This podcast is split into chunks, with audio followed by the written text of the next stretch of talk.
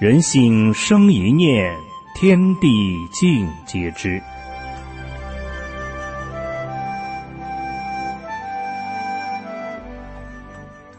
听众朋友，您好，欢迎收听明慧广播电台《善恶一念间》节目。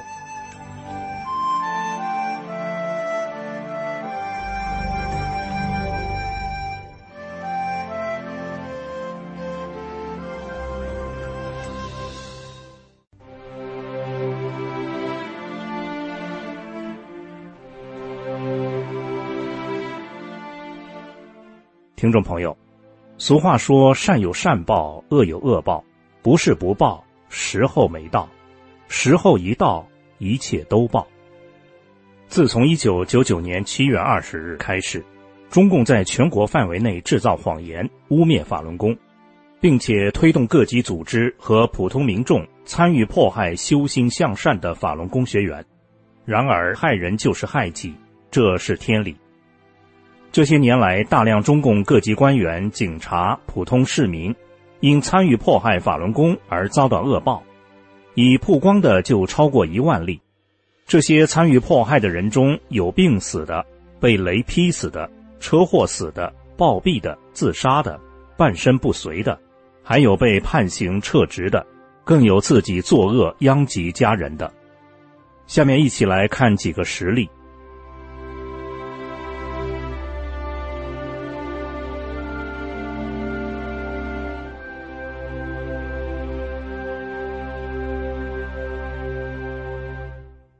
孙吉英，女，生前是辽宁省大连市瓦房店轴承厂职工学校教务处打杂的职工。孙吉英由于被中共媒体造谣宣传的蛊惑，仇视法轮功，对法轮大法救人的真相资料看到就撕毁。中共居委会的人每月奖励他三十元钱，他就更加积极的做这样的坏事了。时间不长。孙吉英的儿子给他打电话，没人接。他儿子回家敲门，也没人开。没办法，他儿子只好找来开锁匠，强行把锁撬开。进屋后才发现，孙吉英趴在饭桌上已经死了，桌上的饭菜也已经馊了。在贵阳市矿山机械厂北门小区，有三个人得了癌症，成为人们纷纷议论的对象。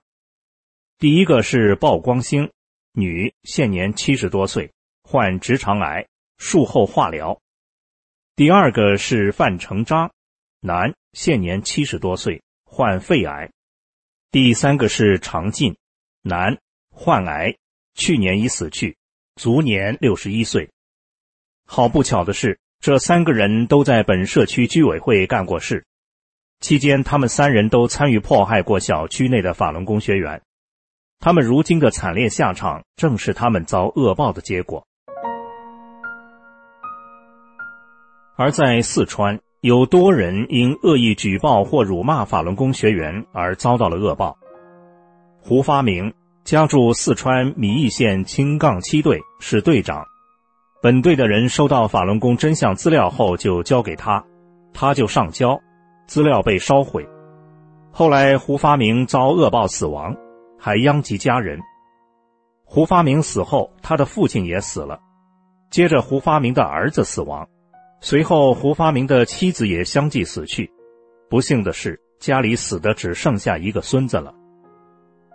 顾兴吉六十多岁，家住四川米易县挂榜镇，有法轮功学员在街上讲真相，顾兴吉看到后就恶意举报，导致这位法轮功学员被中共非法绑架。三四个月之后，顾兴吉便遭到了恶报，得癌症死亡。赵伟八十多岁，在上个世纪曾经是成都的知青。前些年法轮功学员给他讲真相，他不但不听，还辱骂法轮功。后来赵伟遭恶报，得癌症死亡。听众朋友，刚刚讲的真人真事，只是无数恶报案例中的冰山之一角。但足以让人感受到善恶有报，如影随形。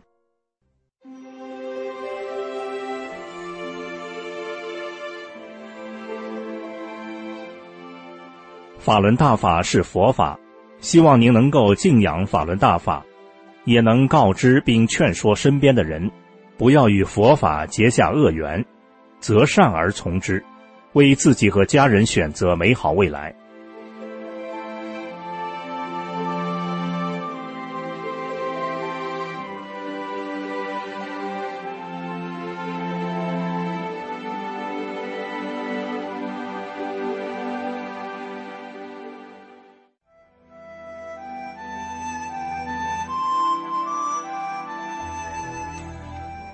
听众朋友，今天的善恶一念间就到这里，感谢您的收听。